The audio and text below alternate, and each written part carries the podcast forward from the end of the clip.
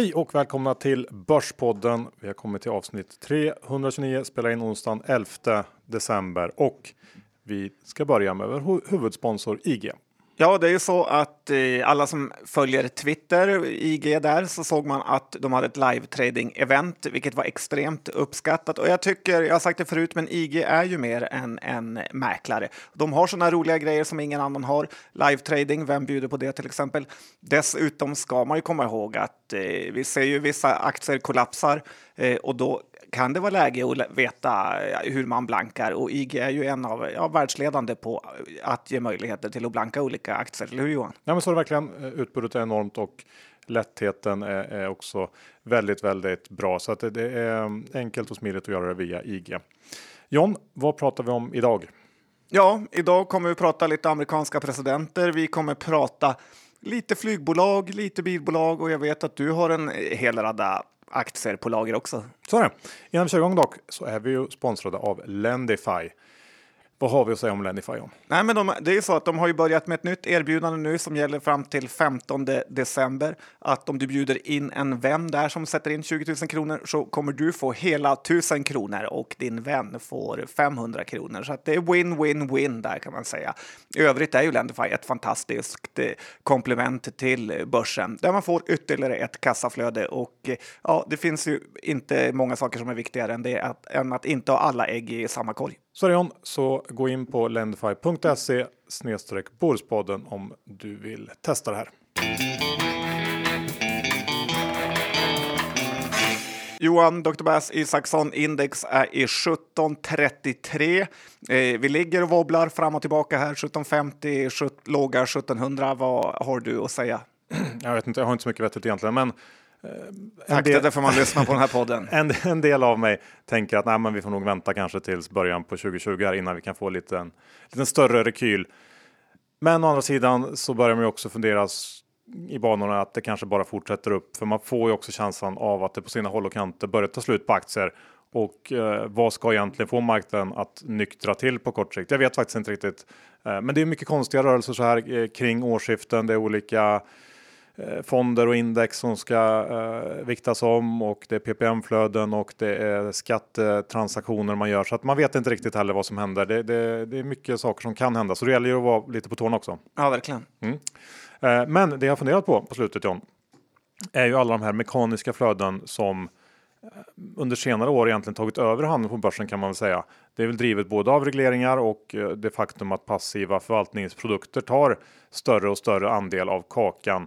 Jag tror det passivt förvaltade kapitalet gick väl om det aktivt förvaltade i USA här under under hösten till exempel.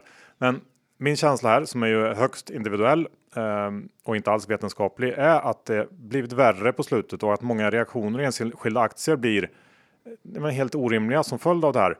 Och min känsla är också att det i förlängningen skapar ett system som är väldigt bräckligt, även om det på ytan med då en börs som stabilt tickar på uppåt ser bättre ut än någonsin. Men där vi, om det sker en störning i systemet, kan få se baksidan av det här. För det finns ju inte längre några tradingavdelningar på bankerna som sätter ner foten när något ballar ur på riktigt, utan istället så drivs eh, nästan rörelsen på extra mycket av, av eh, alla sådana här algos och, och datafirmor Eh, så att den liksom blir ännu mer orimlig och att de när det egentligen borde ta stopp så blir den ja, men dubbelt så stor. Det är min känsla. Ja, verkligen. Och det är många av de här eh, amerikanska och engelska firmorna som eh, jobbar med trendföljande system och bryr sig 0% om fundamenta, utan för dem är det ett eh, dataspel där de kör aktiekurserna precis dit de vill. Vi använder flera olika aktörer och trissa upp eller ner kurserna. Det är ju otroligt många reaktioner som är helt överdrivna. Ja, ja men då är det fler än jag som i alla fall tycker att det här det, det, är någonting som har hänt och jag är rädd att om det vänder ner på riktigt så kan vi hamna i en situation eh, där orderböcker liksom ekar helt tomma. Eh, för att det finns ju ingen som, som liksom, av de här firmorna som kommer vara inne och ta någon slags risk då. Och jag tror att nästa regleringsvåg på liksom, finansmarknaderna och börserna runt om i världen kan handla om just det här eh, efter då en, en eventuell kris om det nu någon gång händer. Men eh, jag tror att det kan bli ett bakslag för den här, den här typen av handel för att det känns inte sunt. Ja, någon borde verkligen reglera de utländska datafirmorna. Ja, är det myndigheterna i Sverige kanske? Nej, det är inte, för de kan inte så mycket alls. Det de borde göra är att ta ett steg tillbaka istället. Step back, som poliser i USA brukar skrika. Och eh, det är nästan som man saknar eh, någon i Sverige som är som Trump eftersom han vill skära ner på de här statliga galenskaperna. Eh, I Sverige får de istället mer och mer resurser och börjar göra mer och mer meningslösa saker för att bränna de här pengarna. Vi såg ju senast, eh, som har varit en stor nyhetsgrej här i veckan, hur eh, Skatteverket eh, ska börja titta på bröllopsgåvor och att den vanliga polisen tyvärr ska ta efter EBM och börja jaga pinnar, hitta på brott helt enkelt. Och det myndigheterna i Sverige måste förstå är att de är till för svenska folket och inte till för sig själva med påhittad statistik för att få ännu mer pengar för att göra ännu mer meningslösa saker. Det var ju något proffs som sa på gamla goda att man ska inte göra saker rätt utan det är viktigare att göra rätt saker. Ja, men det är svårt att argumentera med det där. Jag håller helt med faktiskt och ja, vi får hoppas att det händer någonting.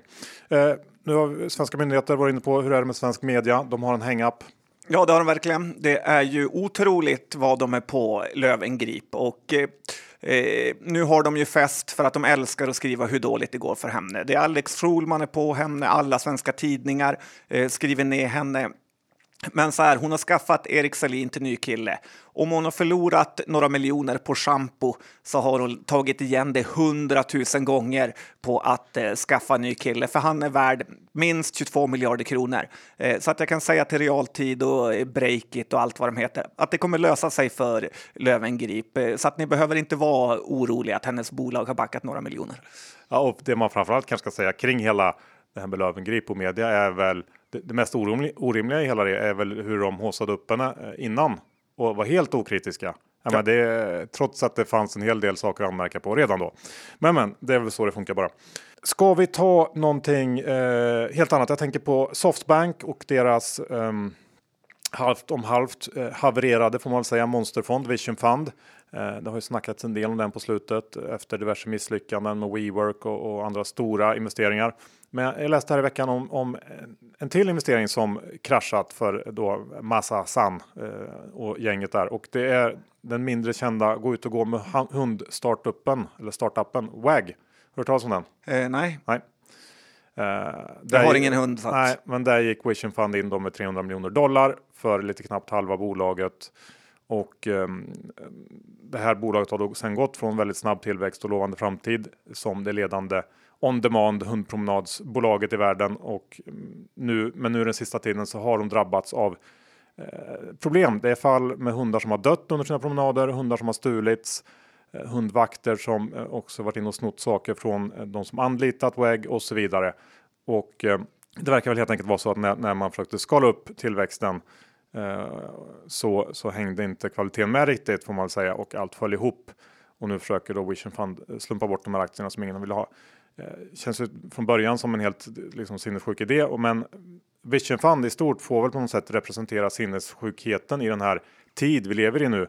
Och det är ju ett perfekt exempel på negativa följdeffekter av minusräntorna och hur kapital allokeras helt fel till totalt icke produktiva bubbeltillgångar. Så att vill man ha exempel så är det bara att gå igenom Vision Funds eh, innehav om man vill ha exempel på, på bubbelbeteenden. Ja, det börjar kännas som att eh, mina idéer som är flera år gamla nu med er tvättmaskin och er kostym är bra jämförelse med WAG. Så att eh, hade jag varit lite bättre på att tillverka appar så hade jag nog suttit på några hundra miljarder nu. Ja, det, det tror jag faktiskt är helt sant. Men det är du inte så att du har inga hundra miljoner dollar. Nej. Nej, trist. Ja, det tycker jag också. Tack för att du påpekar det. Vi går över till blankningsfenomenet. Ja, men det är ju så att jag har sett det senaste tiden på börsen här att direkt en fond har flaggat upp som blankare så stiger den här aktien väldigt eh, mycket och direkt efter. Och eh, jag tycker det kan bero på två saker. Det ena är att när man flaggar upp för en blankning så innebär det också att eh, man har oftast sålt färdigt, vilket gör ju i sin tur då att säljtrycket avtar. För att genom att blanka så måste man ju faktiskt sälja aktierna över marknaden och Ja, det uppstår ju ett säljtryck. Det andra är att jag får en känsla av att det finns särskilda squeeze-fonder eh, som är ute och letar efter blankade aktier och försöker jävla så mycket som möjligt eh, med de som ligger snett. Jag tycker vi har sett i Sectra eller Vitrolife är bra exempel att så fort någon är kort eh, så är de direkt där och hugger för att med datasnurror då jobba upp de här aktierna för att sätta blankarna ur spel och då eh, se till att eh, blankarna tvingas eh, stänga posen. Ja, det är trist tycker jag. Ja, det förstår jag att du, du som är på den onda sidan. Mm, nej, men det är ett trist beteende. Jag tycker att marknaden ska vara eh, icke manipulerad i alla eh, bemärkelser. Eh, men nu känns det som att det kan passa bra med, med något slags eh, visdomsord. John. Har du något? Eh, nej. Nej, men ta något från Charlie Munger då. Okej. Okay. Ja, men han är lite mer fina, större tänkare än vad man själv är kanske. Vissa säger det i alla fall. Men hans favoritcitat är det här att konsekvenserna har konsekvenser, eh, men som på svenska i princip betyder att det inte blir som man har tänkt sig. Och eh, en sak som har blivit så här är ju metoo-rörelsen. Och jag läste att eh, Mike Pence eller om jag hörde det, jag kommer inte ihåg, USAs vicepresident aldrig någonsin har ätit middag ensam med en kvinna eh, av rädsla för att eh, bli ditsatt. Alltså efter det här då, menar du? Ja, jag mm. tror ändå att han nästan låg i förkant med det här när han var guvernör i Indiana. Men hur som helst, eh, det som har hänt är att väldigt många amerikanska företag har infört den här regeln nu och att en man och kvinna inte får gå på representationsmiddag eh, ihop om det bara är de två. Eh, det här i sig kommer att skapa ännu mer herrmiddagar, golfspelande och stänga ut kvinnorna, stänga ute kvinnorna ännu mer. Det kan vara värt att tänka på. Ja, och i förlängningen driva på någon slags grabbkultur. Ja. ja. Mm, nej, men det är intressant. Konsekvenserna har konsekvenser. Eh, huvudstaden C, vad är konsekvensen av den? Eh, att det är börsens största skämt får man väl säga. Eh, börsen inför ju konstigare och konstigare regler, eh, men ändå ser man hur huvudstaden C handlas upp eller ner 20-30 procent. Eh, och eh, huvudstaden är ju ändå börsens eh, ett Eh, av de mest stabila fastighetsbolagen som handlas där. Och på en månad eh, så har det här eh, aktien gått upp 70 procent och handlas ungefär tio gånger över det verkliga värdet då, om man jämför då med eh, huvudstaden A. Eh, om man litade li lite mer på marknaden och lite mindre på lunch, circuit breakers med mera och lät handeln vara så hade man inte fått de här problemen.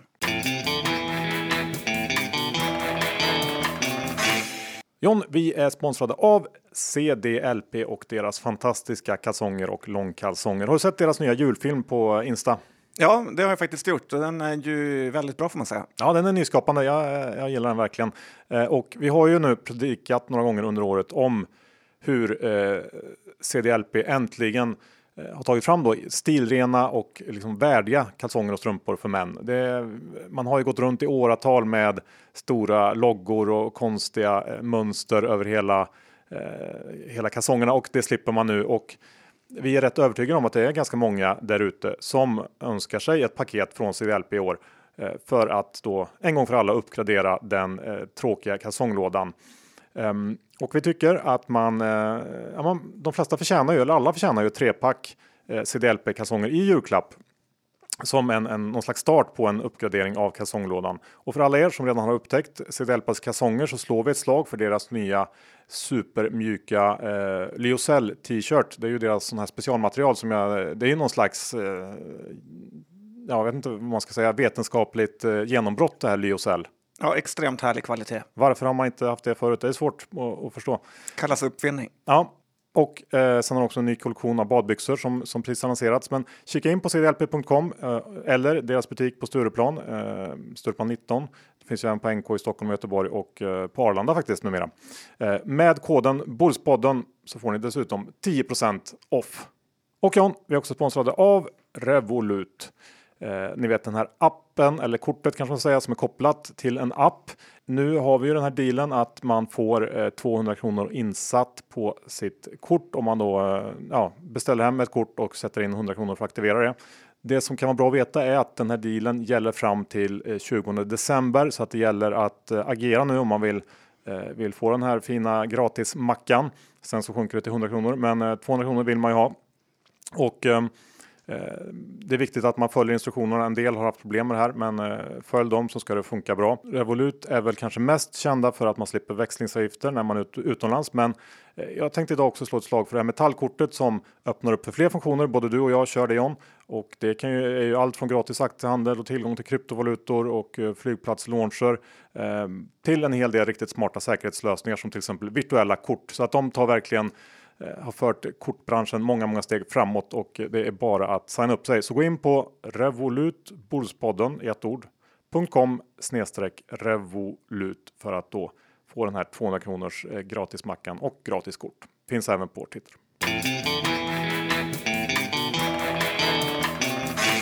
John, vi börjar eh, aktiesnacket kanske med eh, någon slags eh, diskussion om den här årsskifteseffekten, årsskiftesfenomenet.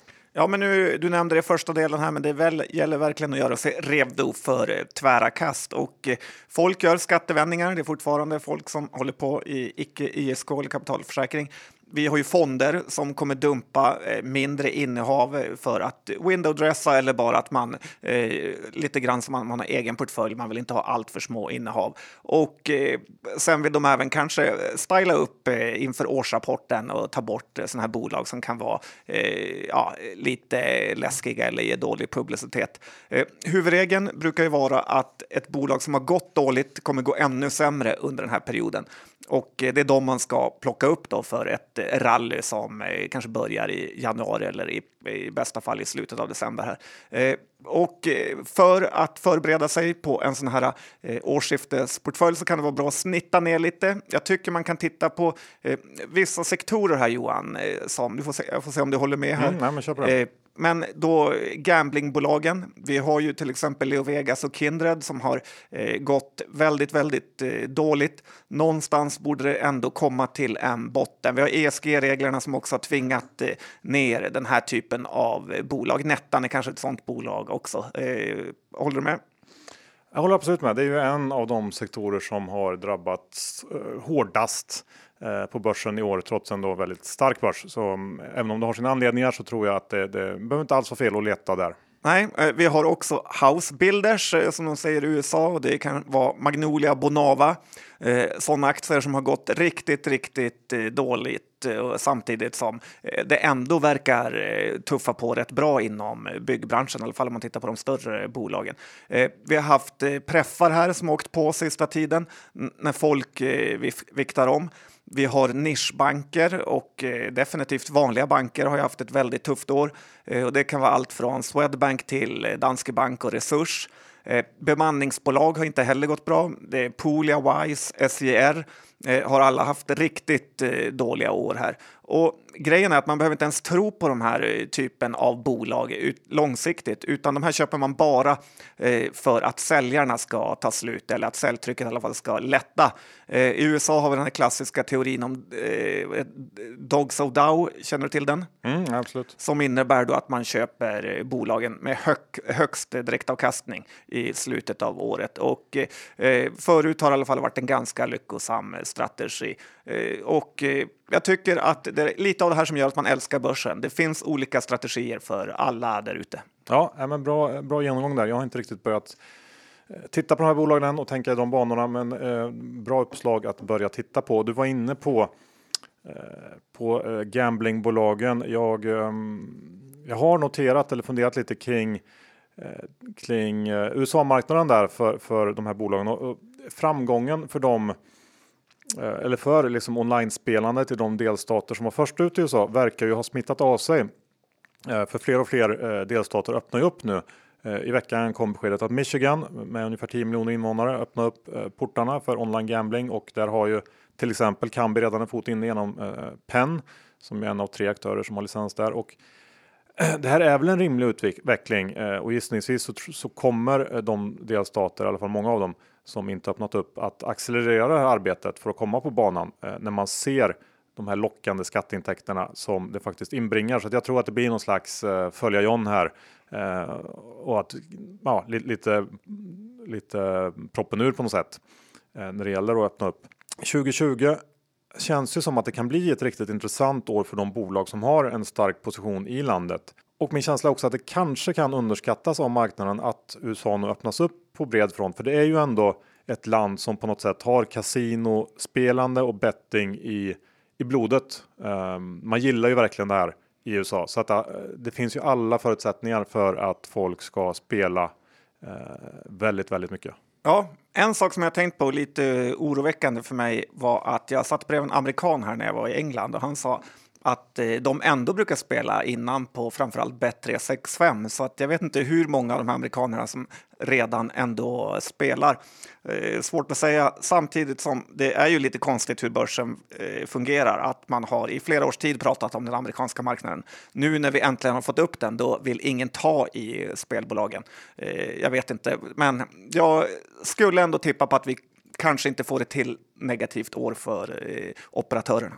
Ja, men där är det väl lite så att man, man, man ser inte skogen för alla träden. Nej, men, eh, Sverige som har haft det tufft, eh, liksom på något sätt eh, drar ner hela sektorn. Men vad är ett Sverige mot, mot USA? Som jag sa nu, Michigan öppnar upp. Det är ju ungefär som Sverige. Så att eh, det är kanske att man lägger lite för mycket vikt vid det. Å andra sidan så är det såklart svårt att säga exakt hur USA kommer spela ut för spelbolagen och för jag tror ändå kanske att det är, för operatörerna kan bli betydligt svårare än, än leverantörerna Ehm, att slå sig in där. Så att det, det, är såklart skiljer mellan, mellan bolag så att säga.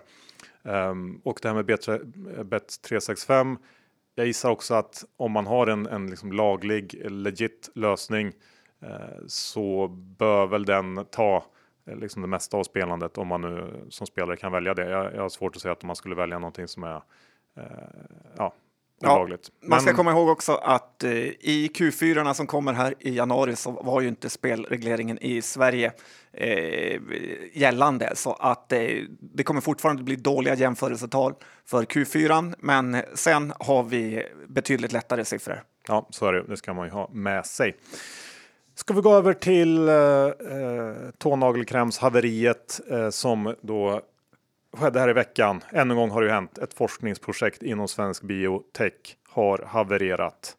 Och det var ju då Moberg Pharmas eh, lågriskprojekt och jag gör det med två fingrar som liksom viftar här i luften inom situationstecken. Ja, det får man verkligen säga. Och de som eh, trodde biotech var riskfritt har ju fått sig ett rejält uppvaknande. Du får man väl ändå ge dig lite cred Johan. Du ifrågasatte ju varför ledningen inte hade köpt eh, några aktier om det nu var så säkert och eh, eh man fick ju eh, svaret här. Eh, jag tycker att deras tåkräm var, verkar ju vara helt eh, värdelös i min bok. Det hjälpte 4,5 procent att bli av med stortånagelsvampen efter 30, 52 veckors eh, penslande. Det är alltså en på 20-21 personer som blir helt frisk efter att man penslar sin nagel i 52 veckor. Det är så oerhört, oerhört dåligt. Nej, men jag tror faktiskt inte ens att det finns en chans att ett sånt här läkemedel kan bli godkänt. Det är bättre att ta en tång och bara rycka bort skiten. Ja, det? det är det. Ja. Och eh, jag tror inte heller att någon vill sälja en sån här produkt. Det finns ju redan mycket bättre produkter än så här. Det är eh, klart att man, man får ju förbruka en hel del tåkräm. Så att på så sätt är det bra. Eftersom man ska hålla på med det ett år. Eftersom det nästan är placebo eh, blir det ju känslan av. Eh, ledningen har ju dessutom i det närmaste plundrat det här bolaget eh, på pengar genom en sån monstruös utdelning som man verkligen maxade. Så att det ska bli väldigt intressant att se hur de tänker lösa det här. I min bok är det ju bara att sälja här faktiskt, även om det gör ont. Peter Wolpert och ledningen blev ju de stora vinnarna här och eh, de valde också cash i sina personaloptionsprogram och inte aktier. Eh, grattis till er som gjorde det. Eh, till de som trodde på era tvärsäkra påståenden om att eh, det var 80 i chans att lyckas här så säger jag bara att eh, lite aldrig på några börs -vd. Ja, aktien är väl ner 50-60 procent på det här och eh, eh, man, då ska man väl ha lite liksom i bakhuvudet att den hade ju gått väldigt, väldigt mycket inför så att det är ju inte så att den på något sätt behöver vara särskilt billig bara för att den gått ner en hel del. Nej, eh, det, förstår man inte det här så ska man inte vara med. Det säger jag. Visst, det var ett intressant eh, späck, men nu är det över. En till stor förlorare här på slutet är ju SAS, flygbolaget som vi ändå lärt oss att älska kan man säga. Vi gillar SAS, men Eh, rapporten här var inte så kul. Det var framförallt utsikterna som man, man lät oväntat eh, bäsiga egentligen. Ja, faktiskt. Och eh, man får ju verkligen säga att här har ju de utländska datasnurrorna eh, satt eh, tänderna i den här aktien. Nästan varje dag så har de bara sprutat ut aktier och eh, fått ner aktien. Jag tror det är femte dagen i rad den är ner nu. Eh, det sjuka får man ju också säga att datasnurren här körde ju upp aktien nästan lika mycket när SAS kom med den här omvända vinstvarningen. Då var det ingen hejd på köpsugenheten. Och eh, börsen bryr sig inte om den här typen av handel för att eh, det här genererar ju avgifter och fees till dem. Och FI kanske hade brytt sig om inte alla där hade gått på Södertörns eh, högskola. Eh, eh, hur som helst så har ju den här aktien tappat 25 procent på en rapport som den var ju bra som du sa, men att utsikterna var lite sämre och att de ska börja redovisa IFRS som verkar vara dåligt för SAS. De flaggar också för tuffare konkurrens, valutor med mera. Jag tror ändå att SAS-vdn här, Rickard Gustafsson, lowballar marknaden lite grann, för han älskar att överraska eh, positivt och eh, personligen ser jag ganska ljust eh, på SAS just nu. Svenska kronan som är viktig för dem, för de, eh, ja, det vet ni redan. Den kan ju nästan bara stärkas härifrån, har man i alla fall känslan. Eh, Norwegian drar ned eh, med alla deras problem och Ryanair eh, stänger Skavsta. Eh, dessutom får man komma ihåg att det var en pilotstrejk förra året som kostade SAS väldigt eh, mycket pengar, uppemot 600 miljoner. Jag har köpt aktier här och jag hoppas att datorerna har fel. P-talet är ju trots allt, trots all, alla problem som var förra året eh, kring 10 så att det är inte jättedyrt där utan jag är lite spekulativ köpare i SAS och jag hoppas du fortfarande bokar plusbiljetter nu Johan. Ja, men jag tycker du har några poänger. Eh, framförallt det här med lite liksom Skavsta och valutor och så där. Men det här med strejker. Eh, bara för att det skedde en strejk förra året så innebär ju det inte att det är, är klart med det nu att det aldrig kommer hända igen. Eh, givet historiken så eh, är ju inte det alls omöjligt att det kommer någonting. Nej, så är det verkligen inte. Och eh, förhoppningsvis så där operated by Ireland som vi pratade om förra veckan gör nog kanske att det minskar möjligheterna till eh, strejker. Ja, Samtidigt bra, kan ju facket här få psykbryt. Jag vet inte, men eh, man måste ju späcka lite på börsen ja, och här är köprek. Sen så bara får man väl tillägga att han gillar att lowballa. Ja, kanske lowballar lite för mycket när man sänker sin egen aktie med 20 procent. Då har man väl på något sätt ändå ja, då har man ju lowballat får man säga. Ja, det har han gjort. Ja, så Eller så pratar han bara sanning. Så kan det också vara. Så kan det vara. Jag har fel. Ha. Ska vi gå igenom lite bolag som det är bud på. Uh, jag tänker Opus och Aerowash. Uh, bägge två handlas nu. Ja, men jag har bestämt mig för att ta ett bett på Opus på att det kommer ett uh, högre bud. Jag har så svårt att se att man gör allt det här jobbet med vdn och ett riskkapitalbolag att de får för sig att lägga ett bud och sen dra sig ur direkt. För jag tror ändå att vdn lär få kicken om eh, budet inte går igenom eh, för att eh, den näst största ägaren kan ju inte acceptera att eh, vdn försökte snuva dem på bolaget. Så att eh, jag får ändå en känsla av att det troligaste är att eh, de i alla fall försöker med en liten höjning jag vet inte heller. Det kan ju också vara så att största ägaren försöker hetsa någon annan och ge sig in i leken för att eh, kunna sälja. Och eh, jag såg också att Redeye här var inne på att de trodde på en eh, god chans till budhöjning här. Eh, det kan ju vara lite att plocka mynt eh, framför ett tåg, den gamla klassiska börsklyschan. Eh, om budet faller så tror jag ändå att det är mer värt än förut då man vet att det finns ett sånt här intresse att ledningen eh, till och med vill eh, köpa det. Så att jag vågar chansa lite här, även om det såklart är hög risk. Ja, men det låter väl ändå hyfsat rimligt. Hur är det med Airwash då? Ja, men här finns det en stor, får man säga, stor eller liten eh, scampremie inbakad i det här budet eh, som kom på Airwash. Eh, men igår fick de ett distributionsavtal med till viss del garanterad volym, vilket jag tycker stärker caset lite grann. Ja, just från då, den tilltänkta köparen. Ja, precis. Så att, eh, jag är extremt nyfiken på att eh, se om det här är ytterligare en småbolagsbluff eller om eh, Aerowash faktiskt har gjort eh, lite av årets deal här. Jag äger inga aktier, men eh, det är kul att stå på åskådarplats ibland också. Ja, och, och, där finns det ju en rejäl uppsida om det skulle vara så att budet verkligen går igenom, eller hur? Jag vet inte vad den ligger på nu, men. Ja, den ligger kring 20 och 100 eh, miljoner. Budet var på 160, så att ja, du har rätt. Ja. Bra, bra. Vi går över till den här, eh, ja vad ska man säga, sinnessjuka noteringen av K-fastigheter. Eh, efter din fina teckna rek här för några veckor sedan så har vi väl inte snackat om den här, det här bolaget, har jag tror jag. Nej, det har vi gjort. Det är synd att det var så extremt eh, få som fick tilldelning. Själv tecknade jag på kanske ja, en hel del depåer kan jag säga. Fick inte en enda aktie. Nej, och jag bojkottar ju. Jag känner mig ju fortfarande stolt över det. Jag tackar nej till de här bubbelpengarna eh, som man fick för att teckna i noteringen. Eh, jag vill kunna säga det med rent samvete sen att jag minsann inte var med och bidrog till skiten eh, när allt kraschat. Men eh, ja. Stort av dig Johan. Ja, det ska jag ändå ha on the record. Ska stå på din gravsten. ja, det är faktiskt inte omöjligt. Eh, men det var inte det jag alls ville prata om, utan eh, jag läste faktiskt en intressant genomgång av en bloggare på Trade Venue som kallar sig eh, Aktiepappa.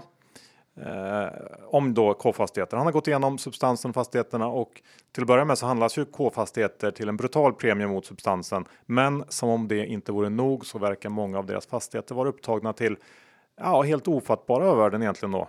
Eh, enligt, enligt den här aktiepappan. Och eh, för er som äger aktien så rekommenderar i alla fall jag att man tittar igenom vad han har skrivit för det, det känns inte alls bra. Det var liksom i små skitstäder så har man liksom tagit upp eh, fastigheter till eh, ungefär dubbla värdena av vad de kanske borde ligga på. Det låter märkligt, men jag har själv inte tittat på det. Eh, Fortnox då? Ja, vad har vi på dem som de brukar säga? Nej, men det är ju så att jag pratade med en redovisningskonsult här i veckan och hon sa att nästan alla redovisningsbyråer nu är på väg att gå över till eh, Fortnox eh, som standard för att det är så ruskigt eh, bra program. Och jag tycker det är imponerande att de vågar byta vd all den här framgången. Eh, det känns ju snarare som att man ska låta en sån här kille få helt fritt eh, spelrum. Eh, men i allt det här så kom det också ett bud på den här minihärvan Promic Book eh, eh som folk eh, har hoppats på skulle bli ett nytt eh, Fortnox. Det har hållit på i många, många år här utan att blivit eh, någonting. Eh, innan budet så var Promic Book eh, värt 13 miljoner och i det här fallet är det ju enorm skillnad på de som satsade på Fortnox eller eh, Promic Book. Man får lite Zlatan vs Tony Flygare-känsla. ja, faktiskt. Um, när vi snackar sportprofiler kanske det är läge att gå igenom Sportamor också som tvingades, ganska oväntat får man säga, vinstvarna förra veckan. Bolaget eh, sa ju att försäljningen under oktober var svagare än, än väntat och uh, det för med sig då att Sportamor inte kommer att kunna leva upp till förväntningarna under Q4 och um, ebit för, för Q4 och 2019 förväntas inte längre då förbättras jämfört med 2018. Och det anmärkningsvärda här är väl att man i samband med Q3 som då släpptes 22 oktober var väldigt haussiga får man säga och guida starkt med då alltså bara en dryg vecka kvar av oktober månad. Den månad som då alltså har varit så ofattbart svag att hela kvartalet blir förstört. Väldigt märkligt eh, får man ändå säga och mm, jag gissar ju ändå att julhandeln eh, och liksom Black Week och allt det här eh, är väl ännu viktigare än, än vad oktober är. Det borde vara så. Men eh, ja, enligt vinstvarningen då, så har försäljningen under Black Week och så vidare gått bra och det är alltså oktober som har förstört hela året. Jag, jag får inte ihop det. Eh, man undrar ju hur det egentligen står till, står till med Sportamor. Eh, de har en hel del att förklara här tycker jag och eh, en del, eh, hel del förtroende att bygga upp igen. Ja, verkligen. Det här börjar bli ett eh, skräpbolag. Lite oroande också att eh, min favorit, som jag sagt förut, eh, Erik eh, Mittregger, eh, är ju en av de tio största ägarna här och också en av de största ägarna i Wise och även Firefly. Jag hoppas, hans år känns lite förstört faktiskt, men jag hoppas på bättre tider. Ja, ska vi avsluta med en av dina specialiteter? Du har många, men det här är en av dem. Preffar och inte vilken plats som helst. Det är Sagax, eller kanske inte ens en preffar, är det DEA-aktien? Det är en DEA-aktie Johan och nu tänkte Men jag lägger det i prefffacket för det är någon slags samma tänk bakom. Ja, men det är positivt för den här och jag har köpt eh, väldigt mycket själv så tänk på det. Ja, ska jag bara säga. Och det ryktas ju om att det ska bli en sån här räntehöjning i Sverige, eller det är väl hyfsat eh, säkert eh, eftersom Ingves kör precis eh, ja, vänstertrafik som eh, gamla gubbar brukar säga. Och eh, nästa vecka har jag för mig och det har ju satt press på de här fixed income produkterna som en D-aktie ändå är. Eh, men jag tror ändå att man ska se det här som eh, köpläge. Dessutom så känns det som att eh, Sagax D har pressats lite extra hårt av att eh, man har sålt den här aktien för att eh, diversifiera sig mot eh, Akelius D och nu eh, Fastighetspartners D-aktie som är på väg in till eh, börsen. Eh, jag tycker inte att man faktiskt ens behöver teckna den här eh, F-par, D-aktie, eftersom den inte är särskilt billig utan eh, snarare i paritet med Sagax D här som man kan köpa med en avkastning på 5,8 procent. Och det jag gillar i kråksången är ju att man faktiskt får de första 50 örena redan den 27 december, alltså inte många handelsdagar från och med nu. Så att Ja, jag såg till och med att eh, Petrusko, om vi ändå ska prata bloggare Johan, vilket eh, eh vi kan göra ibland, hade köpt några Sagax D. Så att, eh, ja, jag tycker den är en intressant aktie om man vill höja direktavkastningen i sin depå. Men det är såklart extremt viktigt vad man eh, betalar för en sån här D-aktie eftersom eh, det är ju det som avgör vilken ränta man får. Så är det. Ja, tack för det. Intressant. Slut på avsnitt 329. Vi tackar vår huvudsponsor IG. Det gör vi. Ni vet att de är mer än en mäklare. De har event. De har otroliga möjligheter att eh, blanka massa aktier. Så att, gå in på ig.com, ladda ner appen. Eh, jag tycker att den är väldigt, väldigt eh, användarvänlig och bra. Ja, så är det. Och eh, kom ihåg att ta del av erbjudandet från Revolut. Eh, alltså att man då får 200 spänn om man Eh, Eh, signar upp sig och eh, får hem ett, ett kort kostnadsfritt eh, och stoppar in sen 100 kronor för att aktivera det här kontot. Då dimper in 200 extra på sitt kortkonto och det är ju dumt att missa. Det här gäller fram till 20 december. Så att gå in på revolutborspodden i ett ord.com snedstreck revolut. Eh, inte så mycket att fundera på. Och när det gäller eh, våra innehav John, du var inne lite på spelbolag sådär. Eh, Nettan och Kambi äger jag. Eh, I övrigt så har jag nog ingenting av det vi har pratat om. Hur det ser ut för dig? Det var Sagax D eh, förstod vi. Ja, det har jag köpt mycket av och eh, jag har ju även Opus som jag nämnde. Hoppas på budhöjning. Jag har även tagit rygg på dig i både Nettan och eh, Kambi. Även SAS har jag. Vad är det som händer med mig? Jag har köpt på mig alldeles för mycket rakt in i lågkonjaken. Även lite, eller även eh, Firefly har jag också som jag nämnde lite snabbt. Så att eh, det här kan bli dyrt 2020. Ja, låter som det. Mm. Trist. Ja, ja, vi hörs om veckan. Tack för att ni lyssnade. Hej då!